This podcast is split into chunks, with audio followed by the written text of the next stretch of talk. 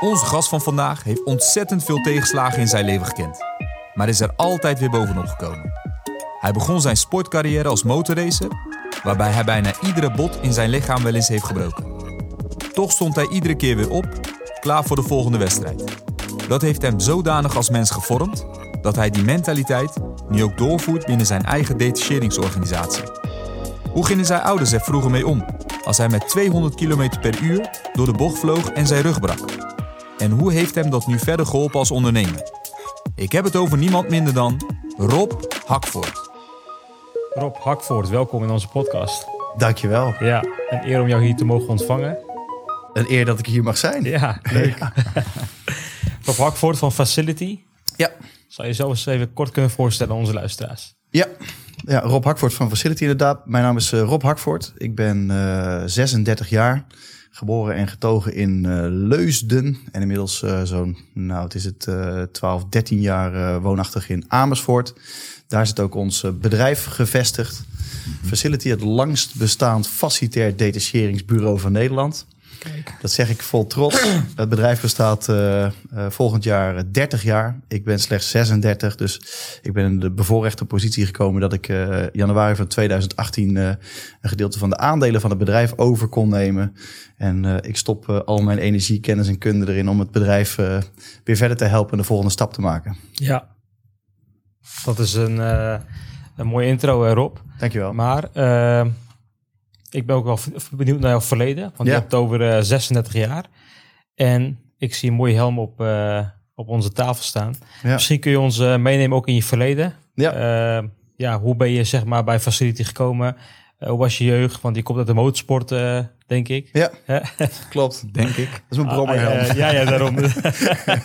Had ook een, een dinges kunnen zijn, toch? Ja. Voor de Formule 1 of zo. Ja, maar precies. dat is het niet. Maar kan je misschien ons meenemen in dat stukje? Ja, zeker. Ik, uh, uh, we noemden net het woord bevoorrecht. Ik bevoel me een bevoorrecht mens. Ik heb een prachtige jeugd gehad.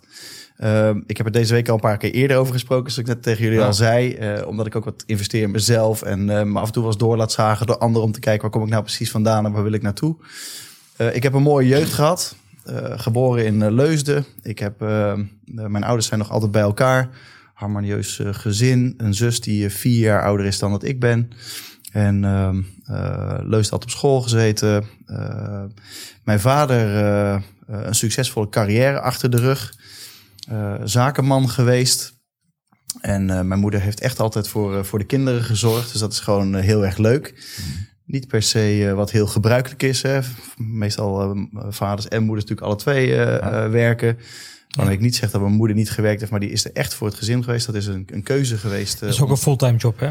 Nou ja, dat, dat is. En uh, uh, gisteren kwam ik ook een beetje tot de conclusie. Ja, ja misschien ook iets van onze, van onze leeftijd. Uh, ja, nou dat. Generatie, weet je wel. Ja. Als ik ja. kijk naar mijn ouders, was mijn moeder ook gewoon huisvrouw. Ja. ja. Ja. ja, mijn moeder heeft altijd wel gewerkt. Ja? Ja.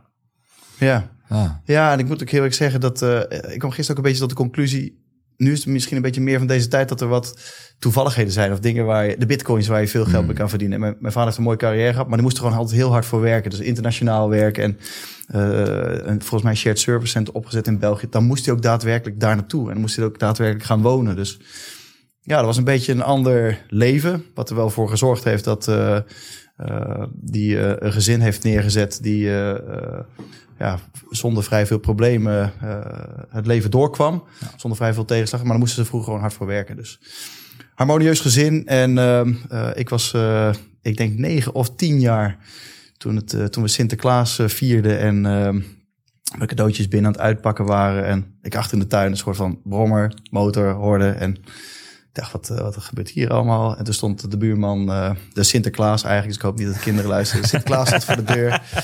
En uh, die, bracht een, die bracht een crossmotor mee. Uh, oud, oud crossmotortje, echt om hobbymatig dat een beetje gaan, te gaan proberen. En dat bleek best wel oké te gaan. Dus toen ben ik een beetje in de sport, sportwereld gerold, moet ik zeggen. Mm. Echt gerold, niet, niet, niet gepland van... Nou, gerold zal ik straks wel wat over vertellen.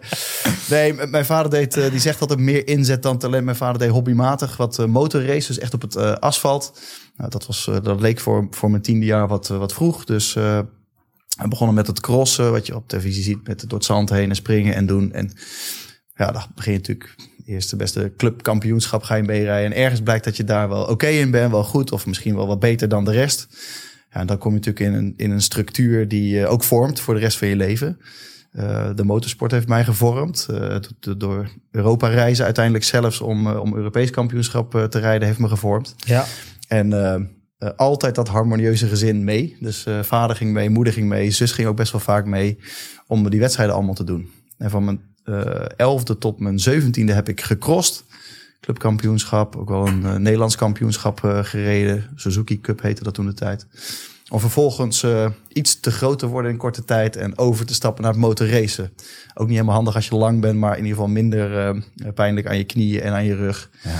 Ik groeide zo snel en te veel eigenlijk voor het crossen, dat we op een gegeven moment zelfs stuurverhogers op die motor moesten zetten. Want je staat veel met motocross in het zand, met springen en zo. Ja. Maar dan kon ik gewoon niet meer goed bij mijn stuur. Dus ik moest echt dingen gaan verhogen en die motor helemaal ombouwen om dat een beetje op een fatsoenlijk niveau te krijgen. Dus. Maar dat deed je allemaal zelf? Het ombouwen? Nou, dat is wel geinig. Uh, mijn vader heeft een financiële achtergrond. Mijn moeder is altijd thuis. Dus als je ergens zou verwachten dat je een beetje die kant op zou gaan. Maar omdat ik inderdaad uh, aan het crossen was, ging je al uh, vrij snel zelf dat motortje weer klaarmaken. En schoonspuiten natuurlijk als het klaar was. En perfectioneren en stickertjes plakken. Dus dat deden we allemaal zelf. Dus ik kreeg ook een ja. beetje meer de technische kant. Dus mijn vooropleiding is ook technisch geweest. in Apeldoorn op een technische school gezeten. Okay. Dat was een soort van ding wat toen was. Dan kon je zelf je motor maken, weet ja. je wel. Dus. En later natuurlijk toen ik uh, overstapte naar motorrace en daar wel bleek wat, wat talent en feeling voor te hebben, dan wordt dat soort dingen wel overgenomen door een team. En dan heb je natuurlijk een team van mensen om je heen die ervoor zorgt dat jij als coureur de machine op ja. de machine gewoon maximaal kan presteren. Ja. ja. En toen ben je gaan racen, Europa doorgereisd. Ja. En je familie heeft je daar gewoon enorm in gesteund. Ja. En dan kon je voor leven op, op tot je Nee, dat, dat is heel moeilijk hoor. Kijk, uh, je kan jezelf bijna profcoureur noemen. Dat is, dat is heel mhm. erg moeilijk. Hè? Dat is ook, in Nederland zijn er maar een aantal die echt op, op wereldniveau uh, de, de beste zijn. Daar echt hun geld mee kunnen verdienen. Mm -hmm. Als ik me nu verdiep in zelfs de MotoGP, zijn het zelfs veel coureurs die nog geld in moeten brengen om mee te kunnen rijden. Soort of de Formule 1. Als je een rijke papa hebt, kun je wel echt wel op het hoogste niveau meerijden. Mm -hmm. Daarmee zeg ik niet dat je uh, niet kan rijden en dat je altijd mee kan doen. Je moet natuurlijk echt wel een bepaald talent hebben. Maar heb je veel geld, dan kun je wel uh, meedoen. Ja. Maar dan is het nog heel moeilijk om daarvoor betaald te krijgen. Dus uh, ik heb een carrière gehad waarbij we mijn beste jaar werd ik derde in het Europees kampioenschap en werd ik Nederlands kampioen. 2007 was ook het jaar dat ik kampioen werd en 2008 Nederlands kampioen. En daar bleef het dan wel een beetje bij. En eigenlijk toen, het, toen de next step gemaakt moest worden, dat was 2009. Toen reed ik voor um, Stichting Racen tegen Kanker. Mm -hmm. een, een, stichting die de racecoureurs eigenlijk inzet om uh, gelden te een soort van marketing tool om gelden te genereren voor het goede doel. Een soort van een derde, twee derde principe. Als in de komt sponsorgeld binnen, een klein beetje gaat naar het raceteam, maar het meeste gaat naar het goede doel. Mm -hmm. um, toen was het Hemelvaartsdag 2009 op het circuit van Hengelo. Uh, in de vrije training brak ik mijn rug. Ik kwam naast de baan terecht en toen brak ik mijn rug. En dat was wel een soort van het moment dat het wel een switch was in mijn carrière. Als in, als ik het carrière mag noemen. Ja. Dan weet je gewoon dat het moeilijker wordt om weer te herstellen. Dat er uh, gekke dingen in je lichaam zijn gebeurd. En je niet meer mee kan met de jonge generatie die altijd fit is. En ook Ja. na een valpartijtje of na wat dan ook, ook weer snel fit is. Dus Ja. dat was voor mij wel een kantelpunt. En ik weet nog goed dat ik... uh, ik was toevallig vanmorgen even bij mijn beste vriend. Die is ook altijd mijn monteur geweest. Ik viel daar. Dat is een stratencircuit, zoals ze dat noemen. En uh, dat is eigenlijk een soort van uh, uh, industrieterrein ooit gebouwd. Daar hebben ze een beetje rekening mee gehouden... dat ze de bedrijfspannen wat verder van de weg vandaan zetten... omdat daar geraced zou gaan worden. Maar vroeger werd daar geraced met 200 km per uur... en nu haal je daar bijna 300 km per uur. Dus ik weet nog goed, ik, je hebt de molenbocht. Dat is een heel kort rechtsbochtje. En ik kwam de bocht daar links voor doorgevlogen. Ik ging net iets te hard en ik kwam naast de baan terecht. En er zat normaal een heel groot grasveld waar je doorheen kon rijden. Maar de boer dacht, het gras groeit niet goed. Dus laten we het om gaan ploegen. Hij had ze net mais ingezet. Dus ik kwam met 200 plus kilometer buiten de baan terecht. En dan rij je, ik had wel wat crosservaring, zeven jaar lang. Maar dan kom je natuurlijk met een racemotor in het zand terecht. En mijn hoofd raakte ergens met 200 kilometer per uur de grond. En ja, daar, daar brak ik toen uh, mijn rug. Ja. En uh, ja, dat is, uh, ik weet nog goed dat ik in mijn maat kwam naar me toe gerend. Ze zat de pitstraat een stukje verderop. Normaal op circuit kan dat natuurlijk helemaal niet. Kunnen ze niet vanuit de pitstraat bijkomen. Hier kon dat wel. Die deed mijn vizier open en die zag dat het echt uh, niet goed was. Dat doet helse pijn, kan ik je vertellen. Mm -hmm. toen werd ik uiteindelijk uh, opgehaald door een uh, ambulance. En ik weet nog goed dat ik erin lag en zei... dat gaan we niet meer doen, jongens. Dit is, het is mooi geweest. Ja. Het einde van mijn carrière. Nou, toen kwam een telefoontje. We hadden het er net even over dat ik mijn, mijn ouders mocht bellen notabene een van de weinige keer dat ze er niet bij waren. Dat ik mocht bellen, ik, lig in de ambulance, het gaat niet zo heel uh, lekker. Maar ik denk dat het wel meevalt. Maar we gaan ermee eh, stoppen.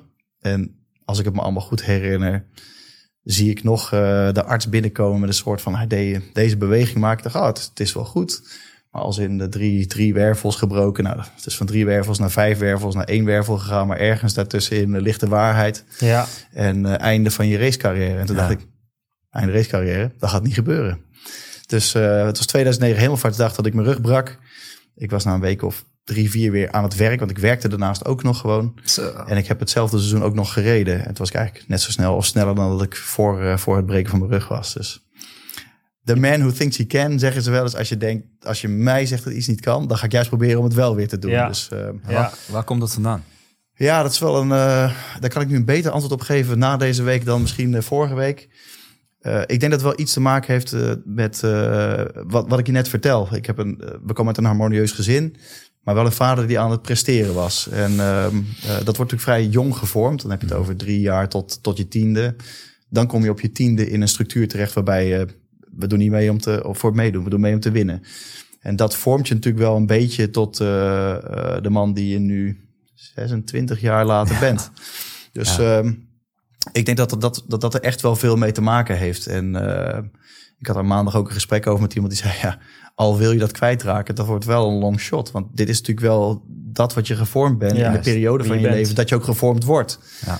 En uh, ik wil altijd meer op een positieve manier. Ik ben heel bevlogen, maar uh, ik ga daar nooit van afgeraken. En ik ben er zelf ook wel blij mee eigenlijk. Kijk, ja. uh, meedoen. Uh, ik verlies niet graag, maar ik wil, win wel heel graag. Ik kan het ook accepteren als ik uh, niet de beste ben. Dus als ik maar weet dat ik het dan het maximaal uit heb gehaald. Ja, precies. En dat is daar wel een beetje gevormd. En uh, dan een bruggetje naar Facility, dat maakt wel dat ik dat de mensen nu ook een beetje mee kan geven. Dus ik heb geen bijzonder hoge opleiding. Ik vind mezelf niet per definitie een slim mens.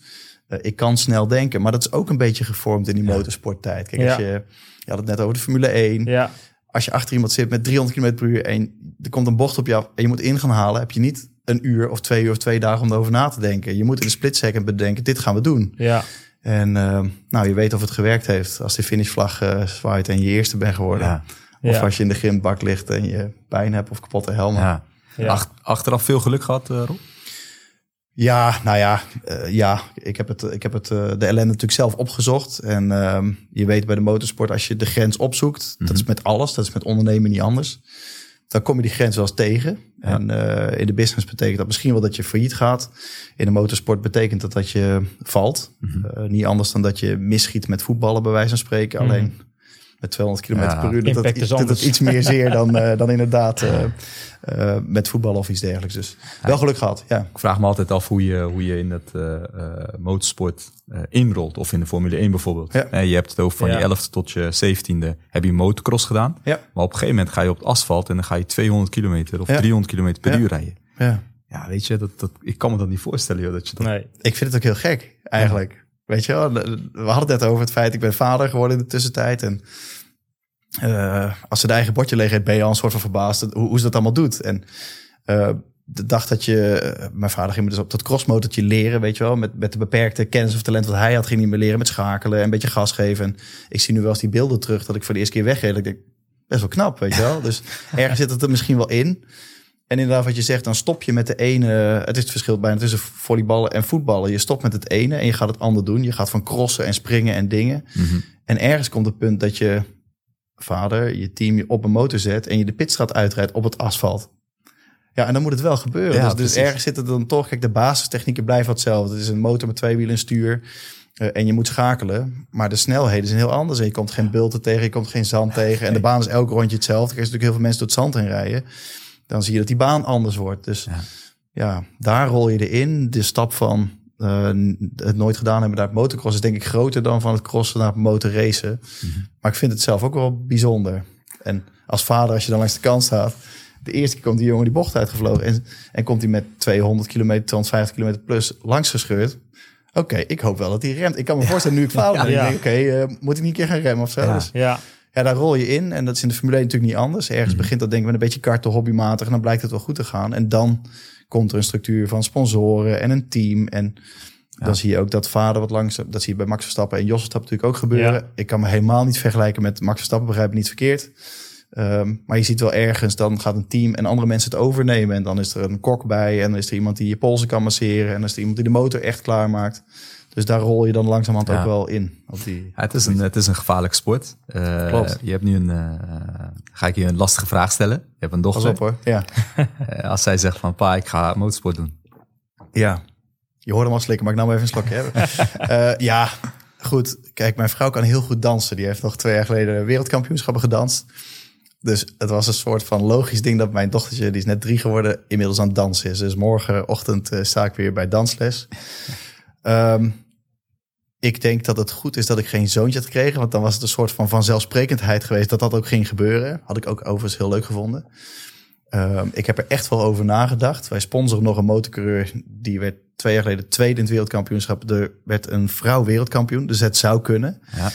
Alleen als ik dan kijk naar waar we het net over hadden. En werken en dingen en doen. Je moet er alles voor laten. Dus zij niet alleen. Maar ook degene die natuurlijk in die structuur duwen. Of duwen, als je de mogelijkheid biedt aan je kind om dat te gaan doen.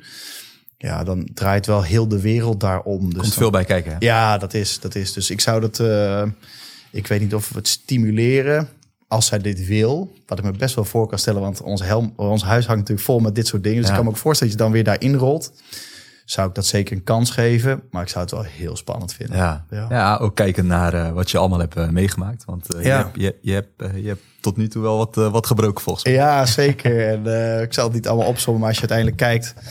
Um, ik heb mijn, mijn carrière met motocrossen viel het eigenlijk allemaal best wel mee. Terwijl je daar vaak omvalt en sleutelbenen breekt. Maar uiteindelijk, uh, dat is wat ik zeg, als je gaat vallen en als het maar glijdt. Ik ben vaker gevallen dan dat ik iets gebroken bij wijze van spreken. Maar als het dan eenmaal misgaat, ja, dan, dan, dan maakt dat wel een klapper. En ja. kijk, die mensen zeggen, je hebt toch een helm op, je hebt toch een pak aan. Maar als ik je vertel dat, dat ik met 200 km per uur naast de baan in, in, het, uh, in het zand val met mhm. motorracen ja, met mijn helm op. En dan zou ik je bijna uit willen nodigen, zet hem op. En dan slingeren wij ja, met z'n tweeën vier tegen de muur aan. Dat is geen 200 km per uur, maar dat doet wel zeer. Hè? Ja. Dus, dus uh, ja, daar maak je wel wat mee. Dus heel veel verschillende botbreuken. Uh, mijn bovenbeen is een soort van gespleten in Spa-Francorchamps.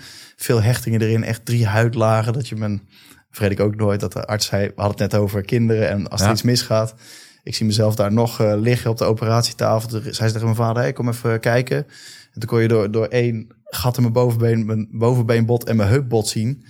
Nou, die man die trok helemaal weg. En ja, ja dat gebeurt natuurlijk. Als, je, als je met zo'n hoge snelheid ergens opklapt of glijdt, dan gaat dat branden. En pak beschermt niet alles. Dus... Hoe ging je vader daarmee om? Want ik, ja. ik kan me, we hebben nu allemaal kinderen. Ik denk dat ik hem uh, zou zeggen, weet je, ga, ga, ga een ander sport. Uh. ja, ik, kijk, ik denk... Heb je het er wel eens over met je vader? Ja, zeker net nog, want uh, daar zal ik zo meteen iets over vertellen. Maar ja, hoe gaat hij ermee om? Kijk, hij, is, hij, uh, het gezin heeft natuurlijk zelf besloten om mijn zoon lief ooit een keer te laten crossen. Ik denk niet dat hij gedacht had dat we 26, jaar later daar nu zo over zouden spreken. Want dat was natuurlijk meer een beetje, hey, ga maar crossen en leuk en probeer het maar eens. Ja. Maar ik denk dat, dat, dat ze, ze nu heel trots kunnen zijn dat het, uh, dat het is geworden wat het is geworden. Maar ik kan me ook voorstellen, en dat is waar we het natuurlijk net over hadden. Ja, de eerste keer dat je echt een keer een klapper maakt, denk ik wel dat hij een keer gedacht heeft dat hadden we niet moeten doen, joh. Maar goed, tegelijkertijd uh, voetbalfans hier tegenover. Maar je weet dat elke willekeurige voetballer ook alles afscheurt en kapot gaat aan knieën. Dus dan valt het allemaal wel mee. Want je hebt inderdaad een helm op en beschermende kleding aan. Maar het is wel uh, heftig, denk ik, de eerste keer. En als je moet bellen en zeggen... hey papa, mama, ik lig in uh, de ambulance en ik denk dat ik mijn rug gebroken heb. Ja, dan...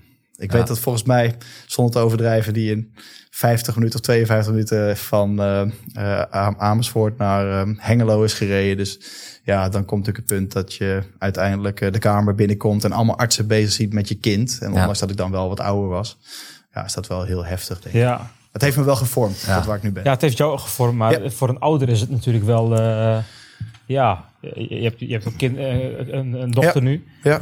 Ja, ik heb een zoon. Je hebt, je hebt, ik, ik kan me niet voorstellen dat ik dan... Het gaat een keer gebeuren dat er wat gebeurt. Ja. Ja, maar het idee dat je daar continu aan moet denken is niet goed. Is niet nee, gezond. nee, is niet gezond. Nee, dat is het ook. Weet je, als je voetbalt en je, je scheurt iets af of je hebt een blessure... Ja. dat kan je misschien nog iets anders verwerken... dan dat je met 200 kilometer je kind uh, in een bocht ziet. Uh, ja. ja. En ze zagen het soms ook gebeuren. Dat lijkt me helemaal heftig. ja. Weet je, zijn stofwolken en zijn motor ziet duikelen. En dat is natuurlijk, ja, dat is super heftig. Maar tegelijkertijd, en dat is wel uh, wat dat betreft uh, heel positief. Mm -hmm. Kijk, uh, ik zei al, ben niet hoog opgeleid. ik heb uiteindelijk wel wat, wat stappen nog gemaakt toen ik tijdens mijn racecarrière ook en tijdens mijn werkcarrière. Ehm, maar dit vormt je natuurlijk wel. Het interview wat ik gisteren gaf. als je ons kantoor ziet, we hebben topsport wel doorgevoerd. En ja. uh, daarmee wil ik niet zeggen dat ik nog steeds de, de topsportmentaliteit heb. Maar alles wat we doen is voorbereid. Uh, we hebben de doelen samen bepaald. En we zorgen ervoor dat we met elkaar in een team of individueel de wedstrijd proberen te winnen. Met de nadruk op proberen. Je kan niet alles winnen. want dan was ik al nog veel, was ik veel verder geweest. Maar je kan wel bij alles wat je doet proberen er het beste van te maken. Laat ik het zo maar omschrijven. En ik denk dat als je dan nu mijn ouders vraagt. Hey, uh, de breuken die hij heeft gehad versus wat het hem nu in zijn leven heeft gebracht, dan denk ik dat ze daar wel aardig uh, trots op kunnen zijn. Niet omdat ik zeg dat ik uh, goed ben of wat dan ook, maar mm -hmm. wel omdat ze me iets mee hebben gegeven wat me gevormd heeft ja. voor mijn leven. En je hebt het net over voetbal. Mijn vrouw heeft dansen gedaan van haar vierde tot haar pff, 28ste. Dat is precies hetzelfde verhaal. Dus dat is discipline. En ja. uh, die heeft ook blessures gehad. Uh, ik heb er ook wel in, uh, we zijn nu zeven jaar bij elkaar, ook wel op moeten halen met zo'n enkel waar ze dan doorheen was gezakt. Dat ze ook een paar weken niks kon. Ja. Maar het zorgt er wel voor dat je natuurlijk weet wat tegenslag is. En ook ja. heel goed kan waarderen als het goed gaat. Ja. Laatste vraag over en dan houden we op met breuken en zo. Ja. Maar hoe is het met jouw pijngrens? Want ik kan me herinneren, de laatste keer dat jij hier was, een paar maanden terug had je iets met je knie. Ja. Iets kleins. Ja, ja. ja, maar, het, ja je stond er wel. Ja, het, het, het is wel bijzonder hoor. En uh, ik vind het best wel moeilijk om over mezelf te praten. Of uh, om te bepalen of het goed gaat, of, de, of slecht gaat, of, of de pijngrens. Maar uh, ik investeer best wel veel in mezelf. Dus ik train ook met een personal trainer. En mijn meniscus, moet ik even goed denken, werd geopereerd op een dinsdag of woensdag. Volgens mij echt een paar dagen nadat ik hier was. Ja. En uh, op een donderdag, ja. En uh, toen zeiden ze tegen mij, ja, joh, dat gaat echt uh, zes weken, ga je wel echt zes, zeven weken moet je wel revalideren. En ik weet nog heel goed, we hadden eigenlijk vrijdag een soort van borrel met vrienden. Toen zei mijn vrouw, ah, dat moeten we afzeggen. En ik dacht, maar ik voel echt niks.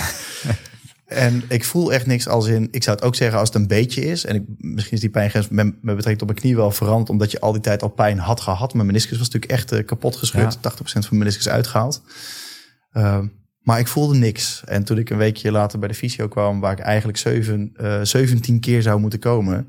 De eerste keer kwam die en toen moesten we gaan balanceren. Dat ging goed. En toen kwam ik de tweede keer en zei ja, ik kan je nog wel uh, 15 keer laten komen. Maar het heeft niet zoveel zin. Dus je kan gewoon je ding weer gaan doen en let goed op wat er gebeurt. Dus um, ja. nog een week later ging ik weer naar de personal trainer toe. En deadliften we weer gewoon en gaat het weer gewoon goed. En ik kan echt heel goed naar mijn lichaam luisteren. Maar ik heb niet het, niet het idee dat er nog iets kapot is of dat ik echt die rust nodig heb. Dus ja. er zal ongetwijfeld iets tussen de oren wel gebeurd zijn die ervoor zorgt dat we, hey, het kan weer, let goed op, maar dan gaan we ook weer. Ja, precies. Of, ja. ja. En daar ben ik wel blij mee, want ik hoef in principe ja. nooit echt thuis thuis te blijven. Nee. nee. Ja, bijzonder. Maar ook mooi om aan te geven dat, uh, dat je, uh, je zorgt goed voor je lichaam. Ja. En je gaat bewust om met wat je eet. Ja. Uh, maar dat trek je ook weer door. En dat, dat heeft ook natuurlijk te maken met discipline. Zeker. Ja, ja. Alles uh, valt in staat op met uh, discipline. Ja. En dan uh, maken we de brug naar facility toe. Ja, leuk. daar heeft Moerat wel wat vragen over, hè? Ja, nou goed. ik, ben, ik ben sowieso... We zijn bij jou geweest. Je hebt je hele topsport heb je doorgevoerd in je bedrijf. En, en, en daar ben ik wel benieuwd naar. Ja. hoe gaat dat met mensen? Want je hebt een, een... Ja, je zegt niet helemaal, maar je hebt wel een topsportmentaliteit. Mm -hmm. Uh, maar ja, Jan... dat, dat, heeft hij gewoon. Ja. Hij zegt uh, niet helemaal, maar nee, dat, zegt hij, dat zei hij net zelf, toch? ja, weet ik. Ja, maar, klopt, klopt. Dat, dus hij is, bege- hij is bescheiden. Dat snap ik, maar ik kan me voorstellen dat je dan jezelf vaak spiegelt aan, uh, aan je collega's. Pers, collega's. Ja. Nou, dat, dat is wel een goede. Ik uh, ben als interimmer mezelf gaan verhuren. Uh, een jaar of zes, zeven geleden, denk ik. Ja, ietsjes, ja zoiets. En uh, dat is waar ik in principe ook altijd tegenaan loop. En dat is niet goed of slecht. Ik heb heel veel respect voor mensen die accepteren dat het is wat het is. En gewoon lekker komen en weer gaan. En de paycheck aan het einde van de maand. En denken, ah, het leven is echt mooi. Het is natuurlijk soms ook wel een uphill struggle. Dat je altijd maar anders wil of beter. Of nooit de rust kan vinden die je misschien wel nodig hebt. Geestelijk en lichamelijk. Um, dus dat maakt ook wel, ik heb mezelf als interimmer lang verhuurd, dat ik heel snel verschil kon maken. Als je een beetje de mensen op kan peppen en we gaan ervoor, dan ga je natuurlijk al snel als bedrijf weer groeien of efficiënter werken of wat dan ook. En uh, toen ik bij Facility kwam, ik weet het nog goed, toen moest ik mezelf pitchen. Ik was uitgenodigd om met nog twee, drie anderen daar uh, een verhaal te komen vertellen. Ze hadden een soort van business case aangereikt en ik moest dan komen vertellen hoe ik ervoor zou gaan zorgen dat die doelen bereikt werden. En ik vond de informatie die ik had gekregen wat sumier, dus ik heb iets over mezelf verteld, hoe cocky dat ook klinkt. Ik heb mijn topsportverleden zien. Ik heb gezegd, als dit jullie opdracht is, uh, dan ga ik alles doen dat te halen. Als dat niet gehaald wordt, dan was het niet realistisch. Uh, want ik zal er altijd alles doen om die wedstrijd te winnen. Dus uh, zo ben ik binnengekomen. En dan ga je als interimmer daar aan de slag. Daar haakt men snel op aan. Dus de mensen die ingekakt waren, die haakte daar heel snel op aan. En op de dag dat ik eigenaar werd, werd dat wel anders. Mijn compagnon zei nog, mijn compagnon was toen al 14 jaar eigenaar van het bedrijf. En die zei nog, je zal ze meteen zien. Op de dag dat je terugkomt, uh, eh, 2 januari, de dag dat je terugkomt, dan uh, uh, kijkt iedereen anders naar je en is alles anders. En dat is ook zo. Dus van de 16 mensen die er toen werkten, dat is eigenlijk wel pijnlijk, maar werkte nu denk ik niemand meer. Eén of twee mensen misschien nog. Ja, ik denk twee, drie mensen van de 16 die er waren, werken er nog. Ja, waarom, waarom is dat pijnlijk dan?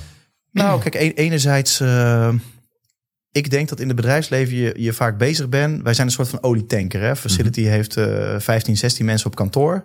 En zo in de goede tijd 150 mensen gedetacheerd. Dus wij kunnen niet heel snel linksaf. We kunnen niet heel snel rechtsaf. We hebben een OR en we hebben wel overwogen keuzes te maken. Dus dan kan er wel iemand met heel veel uh, een bruistablet binnenkomen. Uh, die een bepaalde sportervaring heeft. Maar je krijgt niet zomaar iedereen daarin mee. Dus ondanks dat dat misschien de opdracht is toen de tijd om interim tijd om het bedrijf naar het next level te brengen. Kijk, het bedrijf had al 25 jaar ervaring. Ik kon niks vertellen over het vakgebied. Ik kon wel iets vertellen over de discipline en hoe we probeerden de volgende stap authentiek te zijn en probeerden de volgende stap te maken. Dus uh, je bent in eerste instantie natuurlijk proberen de mensen die er zaten mee te krijgen in die nieuwe structuur. En uh, het voelt soms wel persoonlijk als mensen dan zeggen, hé, maar hier pas ik voor. Want in principe passen ze dan voor jou. Ja. Dus uh, als ik dan nu terugkijk en toevallig hadden we dinsdag onze kwartaalbijeenkomst van afgelopen jaar. Ik zei tegen mijn compagnon voor de eerste keer in de vijf jaar dat ik hier nu bij betrokken ben, waarvan eigenaar vanaf 2018, mede-eigenaar, had ik wel het gevoel, we zijn in control en alle mensen staan in het veld om de wedstrijd te winnen. En uh, dus de, de processen zijn, die hebben we gebouwd. Niet als je, als je de beste wil worden, moet je trainen. Maar mensen hebben niet altijd zin om te trainen. En ik heb nu een beetje het idee dat mensen denken: oké, die processen zijn er niet voor niks gekomen. Die structuur is er niet voor niks gekomen.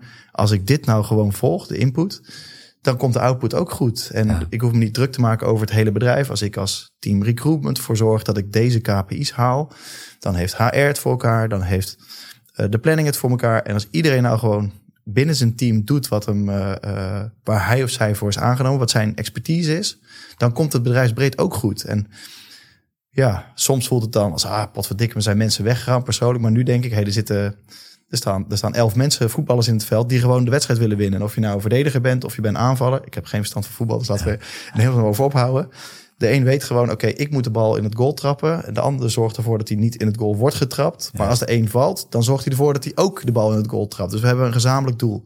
We weten waar de doelpalen staan en we rennen met z'n allen het veld op. En weten, hey, als ik dit doe en hij doet dat, dan winnen we samen de wedstrijd. En ja. Dat is wel heel tof. Dus. En leg je het ook uit aan je mensen in sporttermen? Is dat echt, want hebt wel echt gewoon een sport-DNA in het bedrijf. Ja. En is dat ook als je iets uitlegt, dat het gewoon in, in, in sporttaal wordt uitgelegd? Nou, dat, dat, is wel, dat was wel een compliment, vond ik voor ons. Want ergens ga je natuurlijk proberen, wat gaan we voor een thema op kantoor doorvoeren? Het ook allemaal sport. En dan ga je daar steeds meer over uh, posten en laten zien. En we hadden, we wilden eigenlijk uh, Utrecht wat veroveren. Dus we hebben kantoorruimte gezocht in Utrecht. Dat werd uiteindelijk een skybox bij FC Utrecht. Um, dus het wordt ook steeds meer een, het cirkeltje wordt rond. Dus mensen begrijpen ook dat het vaak om sport draait. Hoe we er naar kijken. Niet per se als in metaforen vanuit de sport uitgedrukt. Maar het komt er wel vaak op neer. En het grootste compliment vind ik wat we hebben gekregen is dat. Uh, uh, ik mag haar naam nooit noemen, maar ik doe het toch. Kira Scheggetman is een oud profvoetbalster van, uh, van Pek Zwolle. Van Nederlands elftal onder de 19 moet ik altijd bij zeggen, vier interlands gevoetbald. Ja, die werkt bij ons. Die komt uit Zwolle elke dag heen en weer gereden naar Amersfoort om bij ons te werken. Omdat ze zich senang voelt bij hoe wij als bedrijf zijn. Plannen kan ze natuurlijk overal. Ze kan ook gewoon in de sportwereld gaan werken. Maar ze werkt bij een facilitair detacheringsbureau. Omdat ze zich comfortabel voelt bij het bedrijf wat wij zijn. En hoe we uh, de wedstrijd spelen en proberen te winnen. Dus uh, nee, niet alles wordt in sportmetaforen uitgedrukt of in sporttermen uitgedrukt. Maar wel als in, hey, daar staan de doelpalen, wij staan hier en we moeten zorgen dat we de concurrentie verslaan. En dat werkt wel. En toen kwam de remote coureur bij ons werken. Die tweede in het wereldkampioenschap werd de wereldkampioen kickboksen meisje heeft bij ons gewerkt. We hebben nu een facility manager die we detacheren. Die is een uh, marathonschaatser op hoog niveau. Dus we hebben veel topsporters ook inmiddels bij ons werken. Of ex-topsporters. En ja, ik vind dat wel een groot compliment. Als Merk je het ook in, uh, in, in werkmentaliteit van die mensen? Want je hebt natuurlijk, toen je bij het bedrijf kwam had je, je zegt daar, er werken nog maar twee of drie mensen van, van toen. Merk je nu echt met je huidige team ja. dat die hele mentaliteit uh, heel anders is geworden? Ja, ik ben er heel, uh, heel comfortabel bij in ieder geval. Dus ze, ze geven me uh, in ieder geval het vertrouwen. En dat komt echt door, door hoe ze zelf presteren. Dus het heeft niks met mij of mijn compagnon te maken. Ze geven me het vertrouwen dat ik eh, dat was coach, zo zie ik het maar eventjes. Uh, ik heb de wijsheid niet in pacht, maar we komen samen aangelopen. Zij rennen het veld op. Ik zou bij wijze van spreken terug de kleedkamer in kunnen. En ik kan er gewoon op vertrouwen dat uh, zij proberen die wedstrijd te winnen. En dat vind ik wel, ja, dat vind ik heel tof. En dat geeft natuurlijk heel veel rust. En dat zullen jullie hetzelfde hebben. Kijk, je neemt natuurlijk ergens de mensen aan. En je hoopt dat dat gebeurt. En je hoopt dat ze zich comfortabel voelen binnen jouw bedrijf of jullie bedrijf. Maar het is natuurlijk wel mooi als je op een gegeven moment uh, verrast wordt. Dus dat er dingen gepresenteerd worden en er eigen initiatieven gaan ontstaan. en hey, jullie hebben misschien dit bedacht, maar laten we het zo gaan doen. En we dan alleen nog maar hoeven zeggen, lijkt me een goed plan. En we gaan het proberen, we, gaan ervoor, weet je wel. Dus ja, daar ben ik wel heel trots op. En dat merk je zeker dus in de mentaliteit van de mensen. Ja, ja. en je trekt natuurlijk mensen aan die zich meer gepast voelen in zo'n organisatie. Ja. Als iemand uit Zwolle elke dag naar de Amersfoort rijdt, dan zegt dat natuurlijk wel iets over jou over jou sowieso, maar ook over hoe jullie het uh, als bedrijf hebben ingericht voor, uh, voor collega's. Nou, dat. En je moet er zin in hebben. En uh, wij, gaan op, wij gaan op dinsdag om half vijf, blijft iemand telefonisch bereikbaar, maar gaan we met z'n allen sporten. Dus al ons kantoorpersoneel. Wij faciliteren sowieso voor iedereen buiten een sportabonnement. Maar we gaan echt met een personal trainer met heel kantoor sporten. Dus als je dat niet doet, en er zijn er één of twee, die notabene ook een sportverleden heeft, die gaan die mee. Maar dan val je een soort van voor je gevoel buiten het bootje. Ja. En dat is natuurlijk wel een beetje ding. Dan ga je wel iets krijgen dat, dat mensen of iets met sport hebben, of een sportverleden, of dat ze er veel naar kijken. Of ja, daar moet je wel zin in hebben. Dus dat was ook een soort van natuurlijk verloop. Toen we ook dat nog door gingen voeren. En hey, alle events waren sportgerelateerd. Tom Coronel komt bij ons spreken. Ja, als je dan niet van sport houdt. Er staan oud uh, wielerprofs bij ons uh, presentaties te geven. Oud autocoureurs alles is sportgerelateerd. Dus dan trek je natuurlijk ook wel iets aan. Als je daar geen zin in hebt, ja, dan, dan heb je ook helemaal geen zin om bij ons te plannen of bij onze recruiter te zijn of wat dan ook. Dus ja, dat is wel een soort van natuurlijk verloop. Niet helemaal natuurlijk, maar ja, zijn er wel de mensen terechtgekomen die zin hebben om daar te zitten. Als je bij jullie werkt, moet je zin hebben in, dit, in deze huiselijke omgeving. En ik denk niet hiërarchisch bij jullie, maar echt een platte organisatie. Daar moet je natuurlijk zin in hebben. Als je ja. de hele dag aangestuurd wil worden, moet je wij zijn ook plat, dan moet je niet bij ons zijn. Je bent echt uh, verantwoordelijk voor je eigen succes binnen onze organisatie. Wij willen alleen maar faciliteren dat je zelf comfortabel bent en daarmee de wedstrijd kan winnen. Ja. ja. Hoe is dat nu in coronatijd met jullie uh, organisatie? Want we hebben natuurlijk een tijdje geleden hadden, hebben, we, hebben we even gezeten. Ja. Um, jullie hebben een enorme groei meegemaakt in de afgelopen tijd. Ja. Hoe staan jullie er nu voor? Nou, we hebben nu een enorme krimp meegemaakt uh, de afgelopen tijd. Nee, wij, wij zijn, uh, wij zijn zwaar getroffen. Wij zitten natuurlijk, uh, oneerbiedig gezegd, in de mensenhandel. Mm -hmm. En we hebben een voordeel, we zijn een detacheerder. Dus we hebben contracten met onze opdrachtgevers. Wij nemen specifiek de mensen aan voor onze opdrachtgever. Daar kun je niet zomaar mee stoppen. Maar goed, als opdrachtgevers zelf in de problemen komen, dat is natuurlijk helemaal niet het gesprek wat je wil voeren. Dus uh, uh, wij hebben daar wel mee geholpen. Maar wat we vooral gezien hebben, is dat contracten die afliepen niet werden verlengd. En dat nieuw business natuurlijk helemaal uitbleef. Uh, we zijn hier, jullie zijn met een beperkt aantal mensen op kantoor, maar er zijn echt wel bedrijven die gezegd hebben: we gaan ons hele kantoor sluiten. Dus die hebben natuurlijk de regels op hun eigen wijze geïnterpreteerd. Je hoeft kantoor niet te sluiten, je moet je alleen aan de regels houden. En daar kwamen we nog wel lekker mee weg. Want als je niet 100 mensen op kantoor ontvangt, maar nog maar 10, dan is er ook een receptionist nodig. Dan is er ook een facilitair medewerker nodig. Dus dat hobbelde wel door. Maar in de onzekerheid van corona hebben we helemaal geen nieuwe aanvragen gekregen. We beginnen aan het begin van het jaar met best wel wat omzet. Misschien wel nou, 60, 70 procent van onze omzet is al gecontracteerd op 1 januari. Want iemand die zijn receptie outsourced, dat duurt misschien wel 5, 6 jaar voordat hij daarmee stopt. Dus we hebben al best wel veel omzet gecontracteerd. Um, maar in het jaar, dan beginnen we eigenlijk met een verlies aan het begin van het jaar. Dus de, de, de winst of het resultaat moet komen vanuit de nieuwe business die komt. Nou, die lag helemaal op zijn gat. Dus wij zijn uh, uh, omzetwijs zwaar getroffen. Uh, maar tegelijkertijd, het was gisteren ook, dinsdag ook, een van de sheets in onze presentatie. We hebben ergens gezegd, we moeten gewoon weer gaan ondernemen. Dus het is wat het is. Het is een soort van uh, slechte wetgeving die er doorheen gefietst komt, waardoor onze, onze business minder aantrekkelijk werd. En ja, wij zijn echt aan het knokken gegaan. Wat kan er nou wel? En uh, we hebben de kosten mee af kunnen schalen. Dus dat is ook wel uh, mee afgeschaald, moet ik zeggen. Dat is niet altijd makkelijk. We hebben mensen met een tijdelijk arbeidscontract en mensen met een vast arbeidscontract. En soms zit iemand met een een vast arbeidscontract bij een opdrachtgever die stopt. Ja, dan moeten wij natuurlijk de puzzel gaan maken om hem of haar, daar kunnen we niet zo gemakkelijk vanaf, neer te zetten bij een opdrachtgever die wel doorgaat. Ja. Dat is voor de opdrachtgever niet leuk, dat is voor de medewerker niet leuk. Um, maar wel het beste uiteindelijk om facility te laten overleven. En ja, echt chapeau, alle, alle credits voor onze mensen. Dat is natuurlijk echt een people aangelegenheid. Dat hebben, we heel, dat hebben ze heel erg goed gedaan. En daar ben ik heel trots op. Maar daar zie je natuurlijk wel de omzet teruglopen, want die klanten vallen weg de medewerkers ook wel. En dat is ook een heel verdrietig verhaal, want we hebben natuurlijk best wel, nou, uh, ik denk dat we 40, 50 mensen buiten wel zijn verloren. En dat is verdrietig, want die mensen hebben een gezin, die uh, gaan inkomen missen. En ondanks dat we natuurlijk het prachtige sociaal vangnet hebben in Nederland, is dat wel heel heftig om mee te maken. Dus inmiddels denk ik, na onze presentatie afgelopen dinsdag, we zijn in control. We hebben eh, zelfs vorig jaar nog, uh, we, zijn, we zijn goed geholpen door de overheid. 70% van onze kosten zijn loongerelateerd, omdat we natuurlijk in de mensen zitten. Mhm. Dus wij zijn een van de partijen die goed geholpen zijn, want dat gedeelte wordt natuurlijk gecompenseerd door de overheid. Uh, we, staan we staan er goed voor en we hebben het, we hebben het dalletje gehad. Dus we zijn kostenwise helemaal in control. We kunnen het niet met minder mensen. Dus de mensen die we nu buiten aan het werk hebben, daar hebben echt deze overhead ook voor nodig.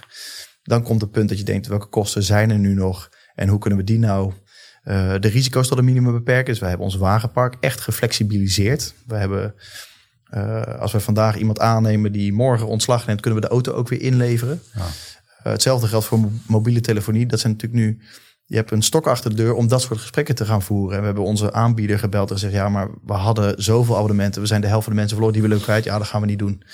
En nu vinden we een partij die zegt dat is helemaal prima. Dus je betaalt een eurotje meer per maand. Maar je kan alle abonnementen inleveren op het moment dat, je weer, uh, dat, we, dat we in zo'n uh, pandemie terecht zouden komen. Dus we zijn, we zijn er omzetwijs zijn we uit het dal en zijn we weer aan het klimmen. De kosten hebben we echt onder controle. Dat is heel hard werken geweest. En we hebben veel van de risico's weten te beperken. Dus ik, uh, ja, ik ben heel positief gestemd voor, voor de komende tijd. Ja. ja. Ja, je zal ook gaan merken, denk ik, uh, met de corona. Dat is een mooi voorbeeld wat je geeft. Dat bepaalde, uh, nou ja, neem een, uh, een telefoonaanbieder. Die gaat dan niet mee. Ja. Ja, die, die gaan het op den duur verliezen. Ja. Want die andere partij denkt van, hé, hey, dit zijn de kansen. En Klopt. degene die we binnenkrijgen, die gaan we op die manier bedienen. Ja. Dus ja. ja. dat geldt eigenlijk voor, voor heel veel ondernemers op dit moment. Hoe flexibel ben je? Ga je achteroverleunen ja. en zeggen, dit zijn mijn kernwaarden en hier sta ik achter? Ja. Of ga je mee met de tijd? Nou ja, dat is het. En dat is soms heel moeilijk, hè? want wij weten dat een, uh, de arbeidsmarkt flexibiliseert heel erg na een crisis. Ik kan ze niet allemaal opnoemen, maar dat is de vierde crisis waar Facility in, uh, in uh, eh, 30 jaar in zit, 29 jaar. dus wij hebben altijd geprobeerd vanuit ons detacheringsbedrijf te voldoen aan die flexibele vraag die komt na een crisis. En daar hebben we nu van gezegd, oké, dat, is, dat is heel moeilijk. Wij, hebben, wij kunnen maar drie keer een tijdelijk arbeidscontract geven. Dus stel je voor, jullie zouden, jullie zouden het wel willen proberen na een crisis met een receptionist. Dan zeg je, oké, we gaan het voor een maandje proberen. En dat doe je nog een keer en nog een keer. Dan moeten wij naar een vast contract toe. Dus daar hebben we van gezegd, juist door wat jij zegt, oké, de markt gaat vragen om een flexibele oplossing. Die kunnen we eigenlijk niet bieden vanuit facility, omdat de wet uh, uh, uh, ons eigenlijk zo beperkt dat we dat niet kunnen. Uh, dus gaan we een uitzendbureau oprichten. Dus nu kunnen we, we hebben vak opgericht, FAC van Facility. Wij kunnen nu dat facilitaire personeel op oproepbasis wel leveren. Hmm. Dus dat is een van de dingen die een telefoonaanbieder dan ook doet. Er staat een partij op uit Amersfoort die zegt: hey, we gaan auto's ook zo bieden. Want hoe groot is nou de kans dat jullie echt eerder gaan stoppen dan het leasecontract dat je sluit? En hey, daar verdien ik wel Als, als 90% van die contracten wel gewoon doorloopt, hey, dan kan ik die ene wel hebben. Daar zul je op een gegeven moment wel in mee moeten. Want dat is nou eenmaal de markt. Dus we kunnen wel heel star zeggen, hey, wij zijn een detacheerde en zo is steekt de wet in elkaar. Wij hebben gezegd, dan zetten we er een bedrijf naast om wel aan die flexibele vraag te kunnen doen. En dat geeft ook wel rust. Ja. Dit is facility. Daar heb je outsourcingsmodellen en zeg je, ik wil een receptie en dat gaat misschien wel een jaar of twee of drie jaar duren. Mm hey, ik heb nu een facilitaire man nodig omdat jullie nog een paar hand- en spandiensten te doen hebben nadat het kantoor is opgeleverd. Dan haal je dat uit die uitzendconstructie vandaan. Dus ja. helemaal eens. En dat zie je gelukkig met de leveranciers om ons heen. Er zijn echt wel partijen die opstaan en zeggen, dit is de flexibele nieuwe markt. En daar zorgt zo'n crisis natuurlijk wel voor. En daar gaan we ons product ook op bouwen. Dus ja. Hey, uh, Facility is uh, niet de enige BV die je hebt. Nee. Hey. Nee. Nee, ik vertelde er net al iets over. Hè. We hebben, we hebben ja, om te voldoen echt in deze crisis aan de vraag uh, van de flexibilisering een uitzendbureau opgericht. Mm -hmm. in eerste instantie was dat uh, vakuitzendbureau, het facilitair uitzendbureau. En al snel zagen we dat ehm, de horeca is een goed voorbeeld. Er zijn heel veel leveranciers in de horeca. Die hebben natuurlijk, morgen is er een bruiloft, hebben we tien extra mensen nodig. Ja. Maar veel van de, van de andere partijen, en ik heb echt de wijsheid niet in pacht, die hebben echt gezegd, oh, dat is crisis en het wordt allemaal moeilijk en slecht en poeh, we gaan uh, ten onder. En wij hebben gezegd, oké, maar die markt, ergens gaat het weer open. Dus uh, ook met, hosp met hospitality personeel, waarom zouden we het dan niet gaan leven met horeca personeel? Uh, dus we zijn, dat, we zijn dat opgestart. En meer als in het kleine broertje van Facility om aan onze eigen klanten de vraag te kunnen voldoen. Maar nu worden we benaderd door grote horecabedrijven die zeggen: ja, we hebben straks gewoon weer flexibel personeel nodig. Dus we hebben net een handtekening gezet uh, uh, voor preferred suppliership bij, bij echt een enorm grote partij in Amersfoort, die ook een, eh, een pand heeft in uh, Utrecht, Muntgebouw. Mm en een Marienhof in Amersfoort. Ja, dat, dat, daar gaan we al alle horecapersoneel straks voor leveren. Dus ik ben heel blij dat we daar ingestapt zijn, omdat dat uh, onder dezelfde holding valt. En het stukje wat we misschien wel verloren zijn bij Facility, dat straks gaat compenseren. Mm -hmm. Plus dat ik het gewoon heel erg leuk vind om, als je ziet, met dit gaan we de wedstrijd uh, niet winnen, om ja. iets naast te zetten waar we wel weer mee kunnen winnen. Dus dat was een van de dingen die we gedaan hebben in de, in de coronatijd. Ja. En uh, wij zijn een Amersfoorts bedrijf. We hebben een landelijke dekking. Ja. En dat is heel erg leuk, daar ben ik heel trots op. Maar als we een feestje geven, dan uh, kan bijna niemand naar ons toe komen. Want dan wel mensen voelen zich veel meer het bedrijf. Dus als het een kerstborrel is, kiezen ze veel eerder voor de kerstborrel van het bedrijf. Dan dat ze voor onze kerstborrel kiezen. Plus het feit dat als iemand in Groningen zit te werken. Uh, en wij organiseren een vrijdagmiddagborrel om vier uur. Hij of zij moet gewoon declarabel zijn. Of moet, moet, moet. Is gewoon declarabel tot half zes, zes uur voor de opdrachtgever. En moet dan nog vanuit Groningen naar Amersfoort komen. Dus ik dacht dat moet anders kunnen. Wij moeten voor als facility zijnde uh, meer klanten en dus medewerkers, want we zitten natuurlijk in de mensen, in Amersfoort gaan krijgen. Dus nou, ik stond op een netwerkborrel ooit een keer. Toen dacht ik, goh, er komen steeds meer mensen bij elkaar. Ja. En hoe groter, hoe meer mensen in zo'n netwerkborrel zijn, hoe moeilijker het voor mij wordt om de juiste mensen te spreken. En eigenlijk was mijn conclusie, er wordt alleen maar aanbod en aanbod samengebracht. hey, ik ben Rob en uh, hier heb je een visitekaartje en als je me nodig hebt. En hey, ik ben Moerad en hier heb je mijn visitekaartje. Nou, ja. kijk maar even als jullie ooit uh, mijn product of dienst nodig hebben. Nou is dat onder ons nog wel oké, want we zijn eigenaar van het bedrijf en blijf je ook vaak langer. Maar er kwamen ook steeds meer accountmanagers bij. Dus dan had ik eindelijk een relatie met iemand opgebouwd en dan was hij weer weg. Ja. Dus uh, zo hebben wij, uh, heb ik de minister van Economische Zaken eh, gebeld in Amersfoort. En gezegd, dit is mijn idee. Ik heb nog helemaal geen plan, maar dit is mijn idee. En dan mochten wij pitchen tijdens, een, uh, tijdens het Amersfoort Business Event. Een soort van in deze setting camera's en microfoons. Dat was helemaal niks voor mij eigenlijk. Maar uh, wij mochten een pitchen met heel duidelijk uh, uh, benadrukt. Ik heb maar een idee. En in plaats van dat het vanuit een gemeente gefaciliteerd moet worden of van wie dan ook. Wij zijn ondernemers uit Amersfoort. Ik heb dat samen met Mark Pot, de eigenaar van Potverhuizingen. En Edwin van Korla van Unica ICT Solutions. Ik zag dat het hiernaast zit overigens, maar ja. zit ook in Amersfoort. Hoevelaken moet ik zeggen. zijn we om tafel gaan. Ik heb echt gezegd, wij hebben dit idee en we willen het vanuit het bedrijfsleven gaan stimuleren. Mm -hmm. Dus we doen een oproep aan andere Amersfoortse bedrijven. Hoe kunnen we dat nou het beste gaan doen? En uh, ja, daar, werd, daar was snel iemand die dezelfde avond al zei... ik heb daar een businessplan voor liggen. Dat is precies wat ik wil gaan doen, maar dan in een B2C-formule. En hey, dat kunnen we wel ombouwen. Dus zo zijn wij uh, heel snel aan het bouwen gaan. Hebben Content Amersfoort gebouwd. En Content Amersfoort doet niet anders dan vraag en aanbod samenbrengen. Dus je gaat zo meteen lekker netwerken op een netwerkborrel gezellig uh, uh, een hapje en een drankje en misschien wel luisteren naar een mooie spreker en je netwerk verbreden, voor welke reden dan ook. Um, En de volgende dag heb je, ben je verhuisd, heb je kantoormeubilair nodig, heb je microfoon nodig, een speaker nodig. En ga je dat bij ons op een platform zoeken. Dus we hebben een online, uh, vorige keer natuurlijk iets over dat, een online ruimte gecreëerd, een platform gecreëerd waar je vraag en aanbod samenbrengt. Dus daar voer je straks in, ik zoek kantoormeubilair. En het enige wat je zeker weet is dat de, degene die daarop staan uit Amersfoort komen. En ik vond dat heel leuk, omdat ik meer Amersfoortse klanten wil. Eh, de Clowns onder andere, die sluit zich aan dat ze zeggen: we hebben duurzaamheid in het beleid. Dus wij willen echt Amersfoortse bedrijven die bij ons het onderhoud aan het pand komen doen. Ze zeggen, maar het is gewoon heel moeilijk te vinden, want Google die overrolt natuurlijk alles. Alles en iedereen. Dus als je een kleine lokale speler bent, als je thuiswerk meubilair zoekt voor Amersfoort, vind je altijd Coolblue. Maar als je duurzaamheid in beleid hebt, dan is even gechargeerd. Je wilt niet, niet bij Coolblue vandaan halen, je wil het bij een leverancier het Amersfoort vandaan halen. Nou, dan is het vaak te duur. Dus wij hebben gezegd, de beste content is de beste deal lokaal. Waar het op neerkomt, uh, wij leveren uh, product uh, A voor een bepaalde prijs. Iemand het heel zo gaat er net iets onder zitten. Dan vind ik dat wij dat ook moeten doen. Omdat ik er belang bij heb dat het uit Amersfoort komt. Het goed voor het milieu is. In coronatijd uh, er minder reisbeweging is. En het gewoon veel leuker is. Ja. Om met een groep van Amersfoortse ondernemers elkaar de business te gunnen. Dus dat zijn we opgestart. En dat is ja... Wanneer zijn jullie erop gestart? we zijn officieel 1 februari hebben we dat de wereld ingeslingerd. Ja. En uh, uh, wij gaan 1 juni gaat het platform live. 1 mei komt uh, de eerste proefversie van het platform live. En dan gaan we echt aan de feedback werken van de mensen die daar zich op inschrijven. Maar ja, ik hoef niet uit te leggen dat ik heel trots ben dat we nu richting de 200 klanten al gaan, als ik het zo mag noemen, in 9, 10 weken tijd. Dus dat had ik wel een beetje gehoopt. En ik wist ook wel dat die behoefte er was. Ja. Maar ik hoef je niet uit te leggen dat natuurlijk uh, dat euforie uh, gevoel, euforische gevoel, ja, dat is natuurlijk super. Ja. Er ontstaat bijna iets psychisch en men denkt nu in één keer, ah, er is een stok achter de deur en we gaan nu zaken doen. En nog voordat het platform er is, de mensen hebben ook nog niet betaald. 1 juni krijgen ze pas een factuur. Zie, ze hebben het steeds over een LinkedIn takeover. Iedereen is nu al zaken met elkaar aan het doen. Dus we zaten laatst in een clubhouse sessie en uh, toen zat een hele kritische man. Die zei, kan het niet waar zijn dat jullie daar geld aan verdienen? Wij verdienen niks aan de transactie die gedaan wordt. Dus als mensen zaken op elkaar gaan doen, we zijn helemaal onafhankelijk. Maar mensen hebben wel een centje betaald om op de platform te komen te staan.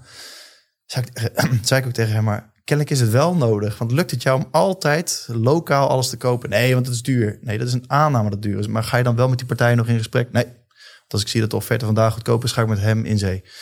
Kennelijk is dat commerciële bedrijf er wel voor nodig. En ja, dat kunnen mensen niet leuk vinden. Maar kennelijk zijn er toch al een kleine 200 bedrijven die gezegd hebben: Ik vind het wel heel leuk. En we verwachten ook echt, uh, nou, richting 1 juni naar 400, 500 leden toe te gaan. En uh, die B2C-formule waar het eigenlijk mee startte, die komt er ook. Dus je wordt straks een soort van beloond door content, uh, door in Amersfoort te werken of in Amersfoort te wonen. En ehm, ja, ik had, ik had uh, laatste keer dat we het hierover hadden bij jullie op kantoor, heb ik jou ook de vraag gesteld, want dit, dit heeft eigenlijk iedere stad nodig. Ja. ja, dat kan ik me ook voorstellen. En ik denk dat het wel lastig is. Ik vertel toen ook iets over FC Utrecht, waar we ook dit gesprek mee hebben gevoerd. Kijk, eh, het is een soort van succesformule geworden dat er drie ondernemers tijd hebben gemaakt, omdat zij zelf het belang hebben dat er meer klanten voor hen uit Amersfoort komen. En die formule moet natuurlijk net komen. En dan moet er een gemeente komen die zegt: Oh, ik wil dat wel eh, stimuleren. Ze hebben ons niet financieel geholpen nog. We hebben wel wat aanvragen gedaan. Maar ze hebben ons wel het podium gegeven. En dat moet je natuurlijk wel net treffen. Kijk, als jullie dit nu bedenken, moeten er net één of twee om draagvlak te creëren. één of twee andere grote ondernemers hier in de regio zijn. Mhm. En moet je de gemeente meekrijgen. Dat is niet mijn ambitie om dat landelijk uit te gaan rollen. Maar het zou natuurlijk wel helemaal fantastisch zijn als het. Uh, uh, de, burgemeester in Amersfoort, een, een Bolsius of zo, die, die, die zegt ook, als je natuurlijk dit gaat creëren, dan wordt huisvesting van in Amersfoort voor partijen van buiten Amersfoort heel aantrekkelijk. Want als je op een gegeven moment weet, hey, ik ga hier huisvesten, ik kom naar het prachtige Deventer toe en er is een niet een netwerkclub, maar een groep van ondernemers die per definitie met elkaar zaken doet. Ja, dat is lekker huisvesten natuurlijk. Dan wil je misschien wel een eurotje meer de vierkante meter betalen. Om uiteindelijk in een business platform te komen waar iedereen je direct kent en ook iedereen direct zaken met je doet. Dus ja, ik kan me voorstellen dat dat voor elke stad, elke gemeente wel heel erg goed zou zijn. Heb je ook uh, zeg maar dezelfde type bedrijven, meer, meer daarvan in één hoe gaat dat dan? Stel, uh, je hebt een uh, bureau die facility doet, ja. Uitzenden. Ja. Je hebt er meer van. Hoe gaat dat?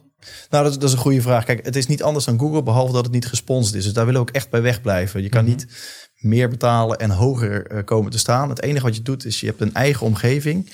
Daar vul je je eigen zoekterm in. Daar voel je je eigen uh, soort van bedrijfs-DNA in. Dus um, wij hebben incassobureaus. Ik weet niet waarom, maar die sluiten zich allemaal aan. Dus we hebben nu geloof ik vijf, zes incassobureaus die aangesloten zijn in Amersfoort. Als zonderling niet betaalt, dan uh, schakelen ze. Ja, schakelen ze elkaar in. Ja, precies.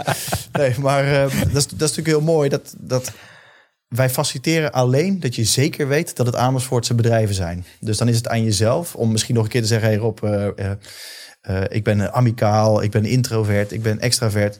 Welke partij zou het beste bij me pakken? Ik zie dat deze passen. Ik zie dat deze vier leveranciers er zijn, maar dat is het dan ook wel.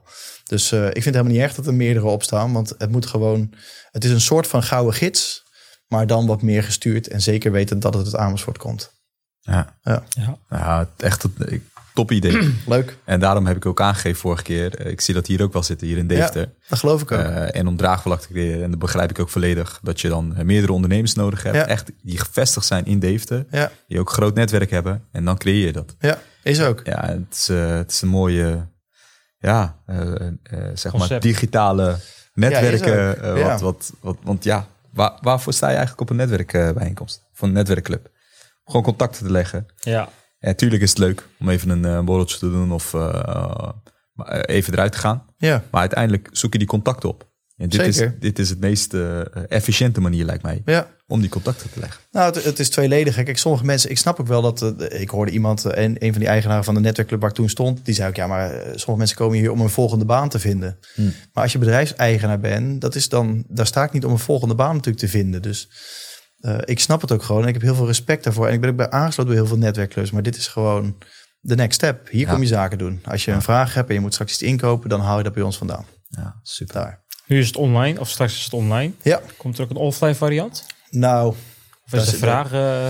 Daar wouden we eigenlijk bij wegblijven. Maar je ziet nu wel dat, dat kijk, bij een netwerkclub ga je eerst uh, netwerken en dan ga je misschien zaken doen. Ik zie wel gebeuren dat wij uiteindelijk, uh, dat je eerst zaken gaat doen en dan toch nog leuke dingen met elkaar gaat doen. Ja. Dat kan ik me wel voorstellen. Ja. ja. Een soort van uh, motorsport. Uh, ja. Uh, hoe noem je dat? Wedstrijd bezoeken of Formule 1. Ja. Dat soort dingen kan je er heel mooi ja. koppelen. Ja. Als dat gebeurt, dan gaan we op een kantoortje naar Amersfoort. Leuk. Ehm, jij wilde nog een brug maken, hè? Ja, jullie hebben het er al volgens mij over gehad. Over, over, nou, we, vragen onze gasten altijd om iets mee te nemen. Ja. En ik zie een hele mooie helm liggen. ik wilde graag een brug maken, maken naar je helm. Ja, leuk. En de, brug naar de helm. ik ben heel nieuwsgierig wat... Uh... Moerad weet het nog niet trouwens. Nee, dat hij, weet niet wat, ja, hij ziet een helm liggen. Hij weet wel waarvoor het is, maar uh, het verhaal daarachter... Uh, nou, het is, het is wel geinig hoor. En uh, ik heb natuurlijk best wel veel trofeeën en dingen en binnen, binnengehaald. En we hadden het net over wat je nou een beetje gevormd heeft in je leven. En wat nou heel belangrijk is geweest in je leven. En, um, ik dacht, uh, heel cliché, maar of ik moet iets meenemen van mijn dochter of uh, dat. Want dat heeft heel veel veranderd in mijn leven.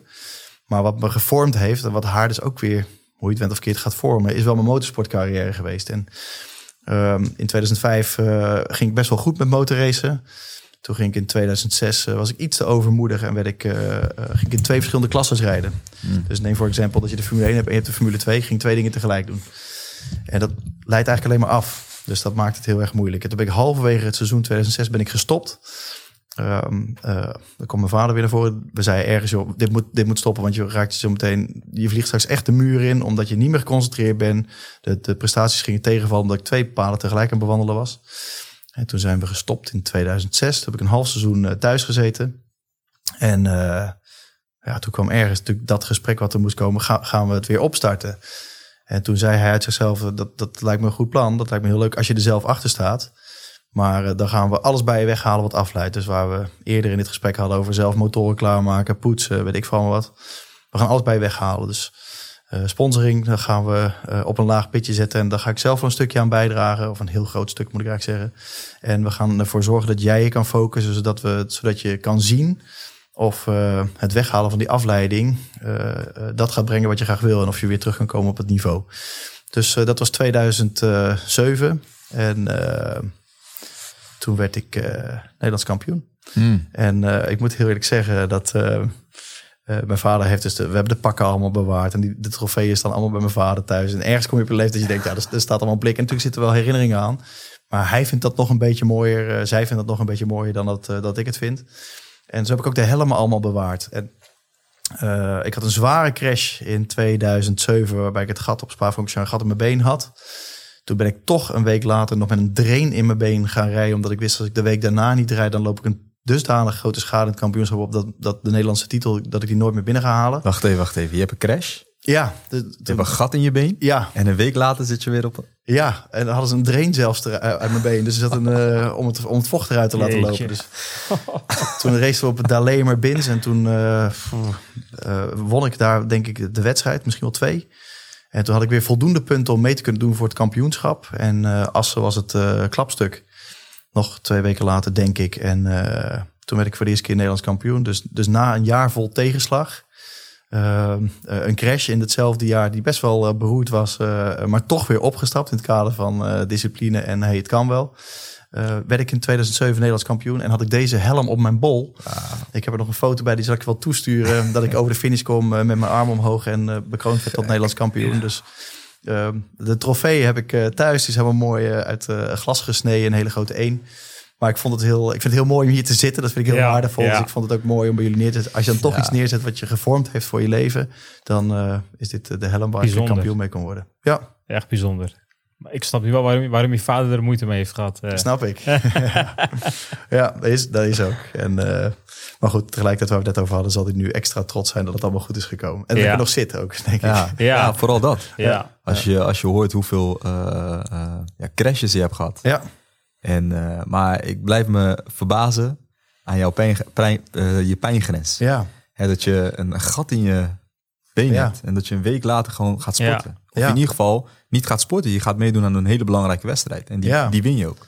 Weet je, dat, dat, ja. ja. Maar dat was de wedstrijd voor de kampioenschap, toch? Eén laatste nee, wedstrijd. Dus, één laatste wedstrijd, ja. En de wedstrijd daarna, daar, daar moest ik echt, daar heb ik wel gelukkig gehad dat een van mijn concurrenten viel uit. Die wedstrijd, kijk, als ik niet had gereden, had ik per definitie ook geen kampioen kunnen worden. Ja. En uh, uh, wat nog zuurder was, dat ik best wel uh, lange tijd heb meegedaan voor het Europees kampioenschap. Maar toen ik dus viel met het gat in mijn been, verloor ik daar het uitzicht om uh, nog kampioen te kunnen worden. Er waren twee wedstrijden in Spa-Francorchamps. Ik viel de eerste, dus ik had twee keer een no-finish. Dus uh, ik was erop gebrand om natuurlijk wel die Nederlandse titel te winnen. En dat was mooi. En 2008 uh, andere motor laten bouwen. En uh, won ik alle wedstrijden die ik gereden heb. Dus werd ik nog, nog een keer Nederlands kampioen. Dus een beetje denken aan het verhaal van Niki Lauda. Ja, nou ja, kijk, zo, zo, erg is het natuurlijk niet geweest. Nee, maar het is wel, uh, het is constant in de sportcarrière ja. waarin we zitten. Tegenslag en weer door. Ja. En ergens komt natuurlijk wel het punt. Kijk, in, in 2009 brak ik dan mijn rug in 2000, uh, de voorjaarstraining van 2012, ik net seizoen 2011 gehad. Toen was ik in Spanje aan het testen. Toen vloog ik er weer zo hard vanaf. En toen zei ik, uh, lag ik in de grimbak, werd ik opgehaald door iemand met zijn scootertje direct terug. En alles deed me zeer. En uh, ik kon met één oog even slecht zien. En toen zei ik, we gaan ermee stoppen. Toen zijn we teruggevlogen en vanaf dat moment was, ook, was het ook echt over. Dus heb ik daarna nooit meer gereden. Dus ja. de hele rit van 10 tot 28 ben je bezig met tegenslag en weer doorpakken tegenslag. Maar ergens komt het punt dat je denkt, bam, en nu is het klaar geweest. Ja. En waren er uh, topsporters of motorraces, zeg maar, waar je, waar je tegenop keek uh, in die tijd? Ja, nou ja, kijk, dat, dat, is wel grappig. Daar hadden we het net even over, over basketballen. Um, ik weet 1994, 93, 94. Ik was dus uh, fan van Kevin Swans mm -hmm. uit Texas, uit mijn hoofd gezegd. En ehm, ja, door de rijstijl. En hij kon eigenlijk maar één keer wereldkampioen worden. Dat was ook zijn beste jaar daarnaast alleen maar teruggelopen. Maar wel echt een grootheid in de sport, waar ik toen heel erg fan van was. En nu, en die naam zullen jullie kennen. Kijk, de Valentino Rossi's onder ons, die, die 40 plus en er nog steeds mee kunnen draaien op het hoogste niveau. Daar heb ik veel respect voor. Maar dat is vooral omdat hij, ik geloof dat nog steeds 60, 70 procent van de merchandise die wordt verkocht, zijn merchandise is. Terwijl hij al lang niet meer aan de top meedoet. Hij kan nog wel wedstrijden winnen, maar het is meestal echt tussen de plek 8 en 15 of zo. Ja. Maar die heeft wel de wereld veranderd. Dus dat zijn wel uh, de twee mannen waar ik van denk, dat waren wel grote ja. voorbeelden. Ja. ja. En zijn er nu uh, bepaalde topsporters in het uh, motorsport waarvan je denkt van dat zijn talenten? Of zie jij bepaalde mensen waar je jezelf in herkent? In de in discipline die ze hebben of van dichtbij? Nou ja, wij sponsoren zelf een motocross. De Rudy is inmiddels uh, ook uh, gestopt. Dus uh, vorig jaar werd hij tweede in het wereldkampioenschap. En dat was voor hem niet goed genoeg. En dat was de tweede keer achter elkaar. Zo. En toen dacht hij, het is mooi geweest. En dat vind ik altijd wel zuur. jongen van 223 die dan zegt... hey, de topsport geeft me niet meer wat ik ervan verwacht. Dus ik stop ermee. Ja, groot talent. En, 223? Ja, ja, ja, Die had nog bij wijze van nog tien jaar makkelijk mee. Ja, sterker nog, hij gaat dit jaar nog een wedstrijd meerijden. Dat is de kans best wel groot dat hij het wint. Want dat raak je nooit meer kwijt. Hè. Je bent ergens gevormd en je lichaam is erop ingesteld. Dus hij zal best wel weer eh, mee kunnen rijden. Nou, die, die, vond ik, die vond ik heel goed rijden in het wereldkampioenschap. Het is nu best wel een brede top gekomen.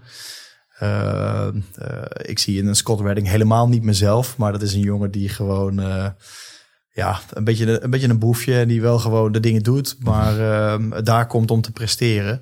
En dat vind ik, dat vind ik wel heel vet om te zien. Ik hou van de vechtertjes. Ja. Uh, wij hebben natuurlijk een skybox bij, uh, bij FC Utrecht. Uh, dus ik hoor wel eens wat over voetbal. Maar Dirk Kuyt is natuurlijk ook een beetje zo'n vechtertje, weet je, zo'n bijtertje. En dat vind ik wel mooi in de sport. Dus, dus bij Ajax heb ik het idee dat het altijd heel mooi gevoetbald wordt, als ik het goed begrijp. En je hebt een paar van die gasten die gewoon uh, hard willen werken om de wedstrijd te winnen. En dat ben ik, daar, daar herken ik mezelf het meest in. Ja. Moerad heeft uh, heel veel met uh, Formule 1. Ja. Ik zelf ja, niet. Ja, ik, ik volg het niet. Maar nee. hoe is het met, uh, met, met motorsport? Hoe is het met trainen bijvoorbeeld? Ja. voetbal ken ik. voetbal moest je bij wijze van twee keer per dag trainen. Vooral ja. aan je conditie ja. en, en, benen. Maar hoe zit het met motorsport? Waar train je dan?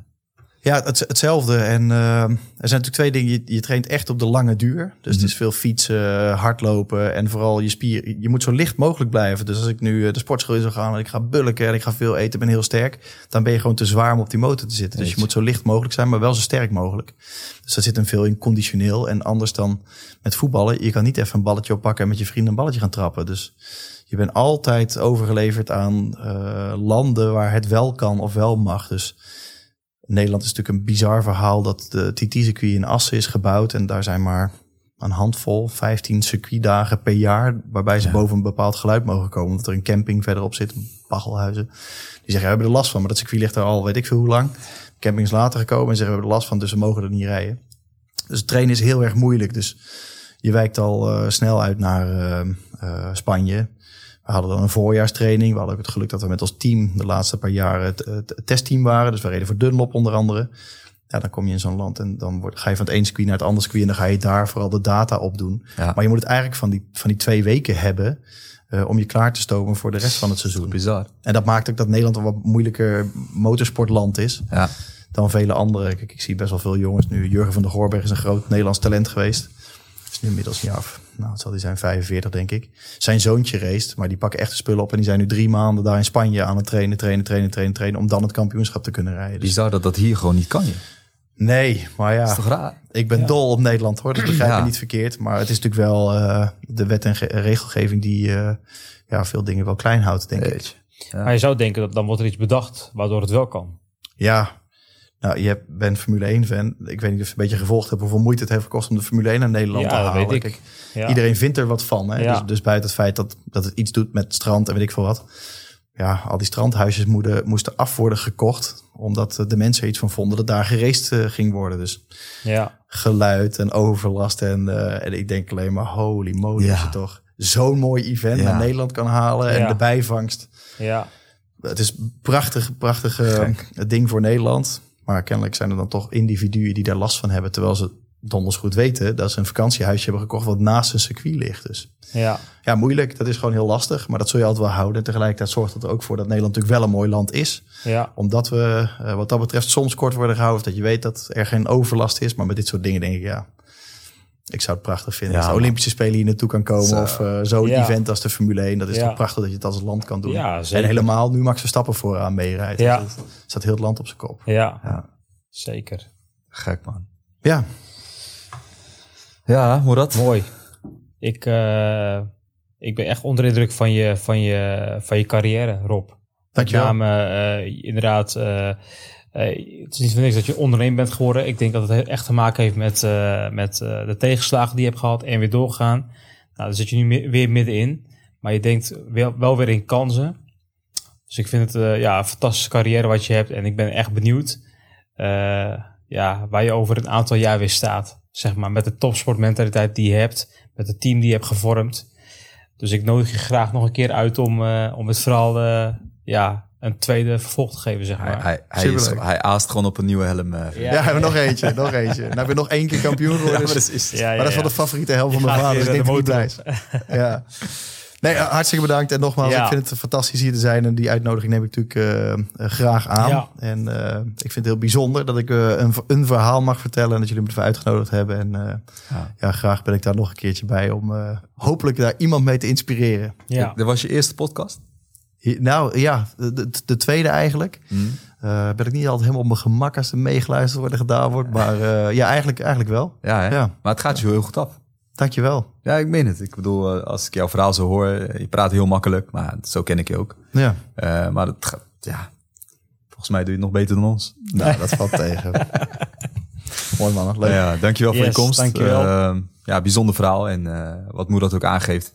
We nodigen je graag over een jaartje weer uit, want heel graag. als je kijkt hoe snel het groeit en hoe snel je nieuwe BV, dus een nieuwe onderneming, Content Amersfoort groeit. Ja uh, ben ik benieuwd waar jullie volgend jaar staan. En of we dat ook hier in David gaan uitrollen. Ja. ik ook. Ik ook. En ik hoop met iets minder crashes dan in mijn motorrace carrière. Ja, dat zou mooi zijn. Dankjewel voor je komst. Dankjewel jongens.